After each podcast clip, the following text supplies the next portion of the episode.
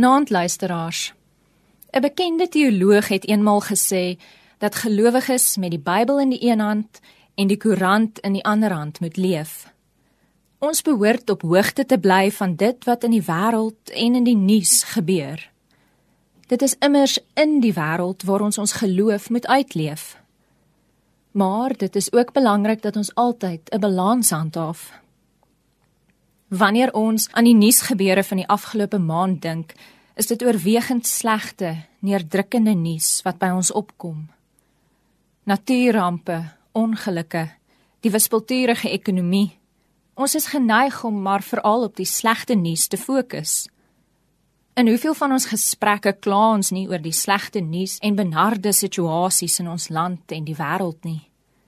Om net in die slegte nuus vas te kyk, is sleg vir 'n mens se gemoed en dit het, het geen vordering tot gevolg nie. In plaas daarvan om moed te verloor, behoort ons eerder te vra wat 'n Christen se rol te midde van die slegte nuus is. Ons het die belangrike opdrag om vir mense die ander kant te wys. Die goeie nuus, want ja, daar is goeie nuus. Hierdie goeie nuus is die nuus van Jesus se menswording. Jesus Christus is God se goeie nuus vir ons. Dit is nuus wat nie oud word nie. Dit is nuus wat 'n mens se lewe verander. Rondom Kerstyd is daar darm ook altyd inspirerende stories van hoop in die nuus. Maar hierdie hoopvolle nuus moenie net met Kerstyd aandag geniet nie.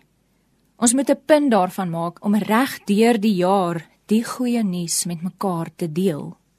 Wanneer jy wonder waarheen alles op pad is en waar alles gaan eindig, hou vas aan die goeie nuus wat God vir ons gebring het.